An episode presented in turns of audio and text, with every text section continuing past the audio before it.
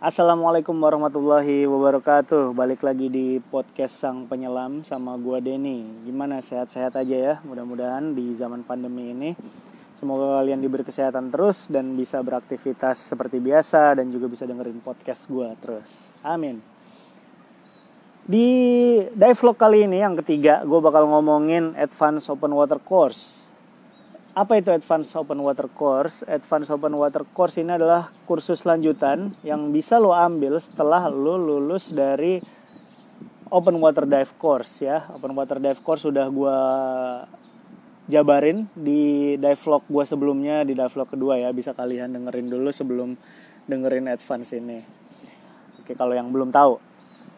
Nah apa aja sih yang lo pelajarin di Advanced Open Water Course ini? Jadi yang pertama lo bakalan dapat 5 kali dive ya. Kebanyakan 5 kali dive tapi bisa lebih tergantung dengan program apa yang instruktur lo atau dive center lo kasih buat lo atau penawaran lo seperti apa. Kalau misalkan lo mau ngambil lebih ya bisa-bisa aja tinggal lo omongin nanti sama instruktur atau dive center lo kayak gitu. Nah, gue ngomongin yang 5 dulu aja kali ya, oke? Yang 5 ini, jadi ada dua dive adventure yang wajib lo ambil. Apa sih dive adventure sebelumnya ya? Dive adventure ini adalah dive opening dari dive specialty yang bisa lo ambil. Apa itu dive specialty? Aduh panjang ya.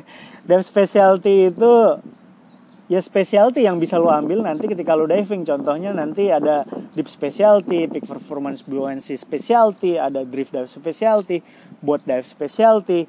Nah, di Advanced Open Water Course ini lu bakal diperkenalkan dengan itu. Openingnya, opening dive-nya ada di sini kayak gitu. Jadi lu cuma dapat satu-satu. Contohnya ada deep dive. Nah, ini wajib lu ambil ketika lu ngambil Advanced Open Water Course. Deep dive ini mengajarkan lu untuk masuk lebih dalam lagi.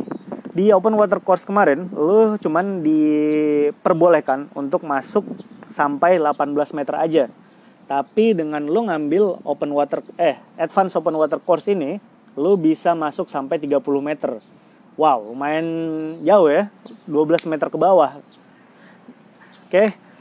Dan apa aja sih yang dipelajarin ketika lu ngambil deep dive adventure, deep dive adventure ini? Yang pertama sih lu bakal diajarin gimana cara maintain diving lu, jelas gimana cara maintain air supply lo, gimana cara maintain buoyancy lo lagi, meskipun nggak sedalam nanti ada kursusnya lagi.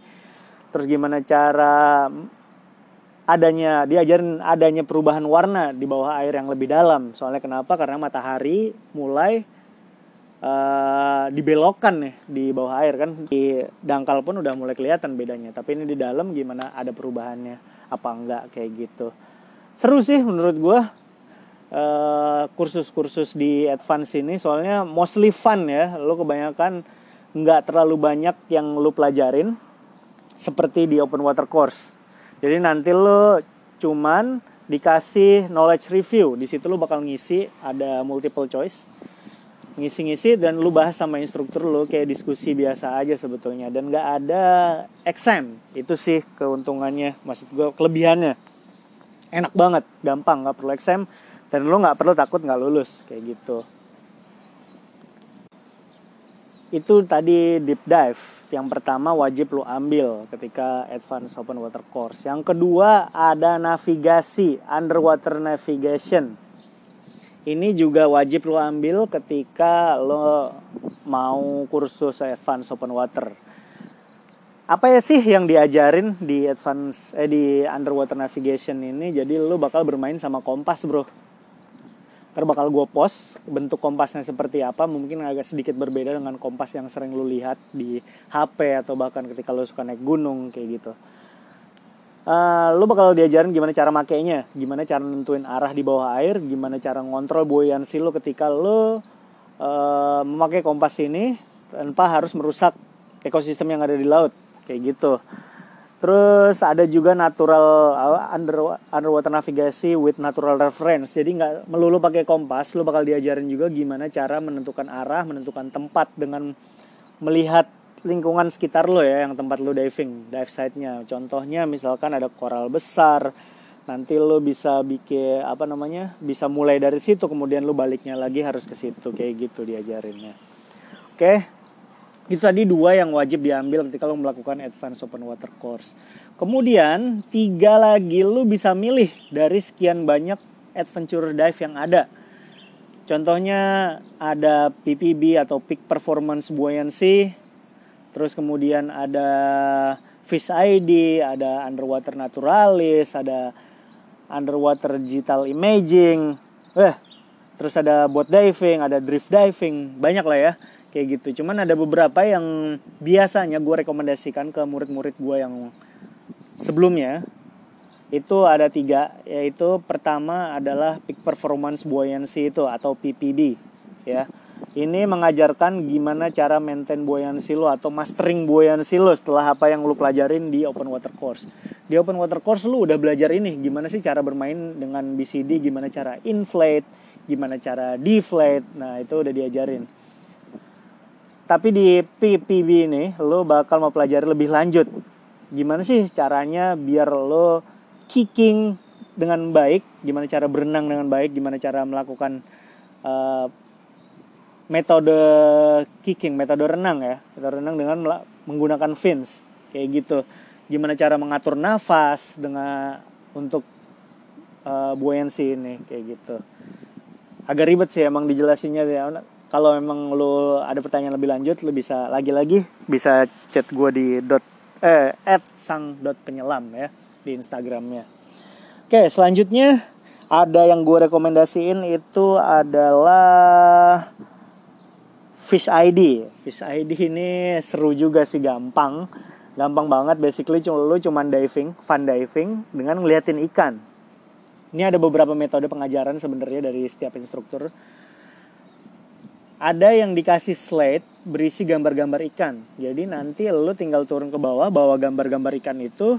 Nanti instruktur lo bakal nunjuk salah satu ikan ya. Ikan itu apaan? Ketika lo apa sih instruktur lo ngasih tunjuk itu, lo bakal ditanyain di mana ada nggak di dalam slide ini ikan itu. Lo cari tuh mana nih ikannya. Oh ini ada. Oh bener. Namanya apa? Ntar lo tahu. Ntar lo bakal isi di logbook lo yang udah lo dapat dari open water course kayak gitu.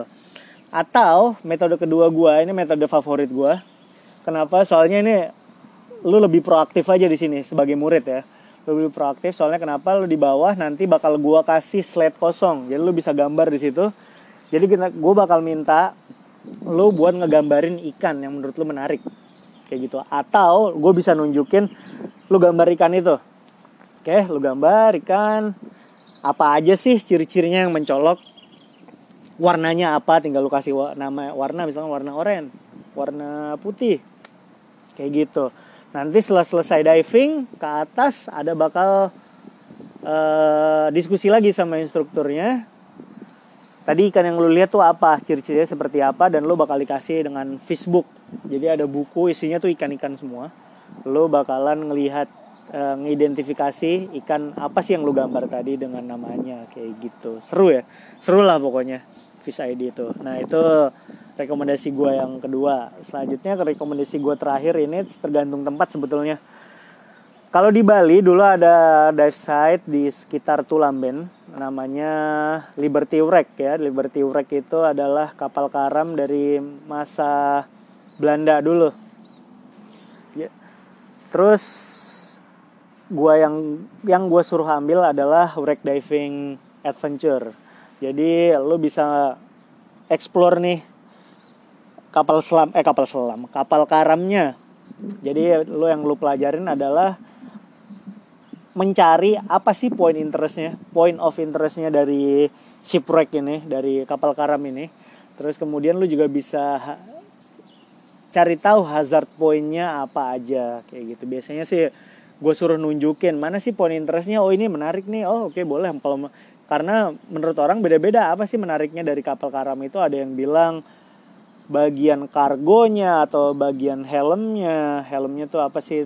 Uh, kemudinya bagian kemudinya atau bagian belakangnya atau bagian depannya itu beda-beda setiap orang. Jadi gue bakal ngasih apa minta dia untuk nunjukin apa sih yang menurut lo menarik dari kapal ini kayak gitu. Terus ada juga uh, hazard point ya tadi apa sih yang kemungkinan membahayakan dari uh, kapal karam ini dan mesti lu hindari dan mesti hati-hati dalam melakukan dalam approaching kayak gitu dalam assessment juga. Ya seperti itulah garis besarnya. Itu wreck diving. Kalau di sekitar tempat kursus lo ada kapal karam. Kalau nggak ada gimana? Kalau di Lembongan dulu gue sempat ngajar di Lembongan juga. Jadi perairan sekitar Lembongan dan Nusa Penida itu Nusa Lembongan dan Nusa Penida itu kebanyakan drift diving dive site-nya. Jadi gue saranin untuk ngambil drift dive adventure.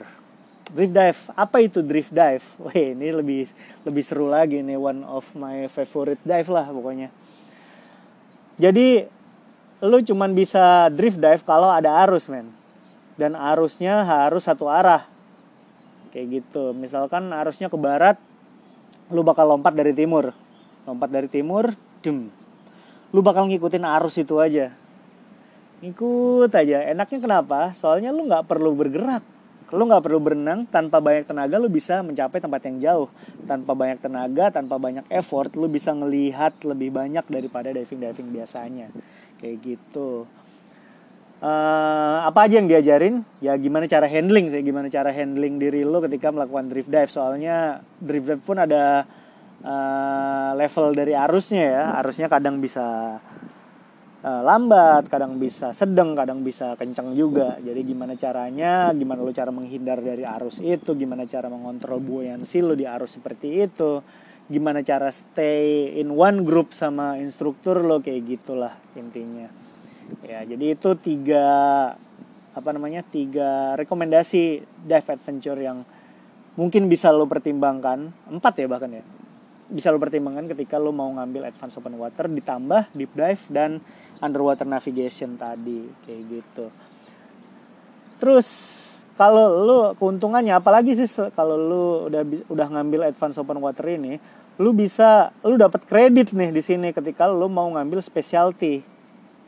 Kayak yang tadi gue bilang specialty itu lagi ada tingkatannya lagi ya. Jadi setelah ini lo bisa ngambil specialty contohnya deep dive specialty di adventure ini lu cuma bisa masuk 30 meter. Di deep dive specialty lu bisa masuk 40 meter. Lebih dalam lagi bro. Lu bakal diajarin lagi gimana manage udara apakah perlu lu apa bawa tangki cadangan kayak gitu. Terus tekanannya seperti apa terus waktu lu kayak gimana di bawah air dengan kedalaman seperti itu. Dan deep dive ini memerlukan empat kali dive sebetulnya. Tapi dengan lu ngambil advance open water course tadi dive deep dive adventure ini lu udah dapat satu dive. Jadi ketika lu mau ngambil deep dive specialty lu tinggal nambahin tiga kali dive. Itu keuntungannya kayak gitu. Ya jadi lu kalau mau ngambil kayak PPB specialty drift dive specialty lu udah dapat satu dive tuh. Jadi ntar tinggal lu tanya berapa kali dive lagi sih yang harus gue lakukan untuk ngambil specialty yang lu inginkan? Kayak gitu. Oke jadi itu aja sih dari advance ya menurut gue seru banget sih advance ini. Karena yang gue bilang tadi pertama sedikit teorinya lu cuman diskusi ya sama dive instructor lu atau lu bisa apa nanya apa pun yang masih nyangkut nih di kepala lu ketika lu melakukan advance open water course lu. Terus kemudian juga nggak ada exam bro. Enaknya itu sih nggak ada exam lagi jadi lu nggak perlu takut buat nggak lulus tapi emang ada beberapa sih uh, kasus instruktur temen gua nggak ngelulusin salah satu advance course. Kenapa? Ini dilihat dari skill basicnya bro. Jadi gimana dia melakukan advance eh gimana dia melakukan open water course-nya di awal. Kalau open water course-nya nggak beres otomatis dive lu nggak beres juga di advance open water course kayak gitu. Jadi pastiin lu dapat instruktur yang tepat ketika melakukan open water course. Jangan instruktur asal-asalan yang dengan mudahnya ngasih lo uh, kelulusan. Kayak gitu. Soalnya kenapa lu udah bayar mahal cuy? Lu udah udah bayar mahal buat ini dan lu deserve the knowledge man. Lu apa pantas untuk dapetin apa pengetahuan ini dan gimana cara-cara melakukannya jadi jangan sampai lo salah pilih instruktur dan salah pilih dev center ya. Oke. Mungkin itu aja pesan dari gue untuk advance ini dan penjabarannya kalau ada pertanyaan bisa silahkan di DM aja at, uh, di Instagram podcast ini at sang.penyelam ya yang gue belum bicarain adalah harga ya gue lupa nih harga ya gue balik lagi deh untuk harga sendiri bisa lu siapin uang sekitar 5 sampai 7 juta ya. Dengan asumsi lu mau ngambil di mana aja tuh harganya kemungkinan nggak lebih dari segitu sih gue rasa. Dengan diving sekitar 2 sampai 3 hari tergantung program apa yang lu ambil tadi. Oke. Mungkin itu aja. Semoga dive vlog selanjutnya lo bisa dengerin lagi. Gue bakal ngasih tahu nanti di Instagram apa sih dive vlog selanjutnya yang uh, bakal gue bicarain ya. Semoga lebih menarik perhatian kalian semoga kalian bisa sharing ke teman-teman kalian yang mau ngambil kursus dan ngambil jadi scuba diving scuba diver sorry. Dan semoga bermanfaat untuk semuanya. Amin. Oke assalamualaikum warahmatullahi wabarakatuh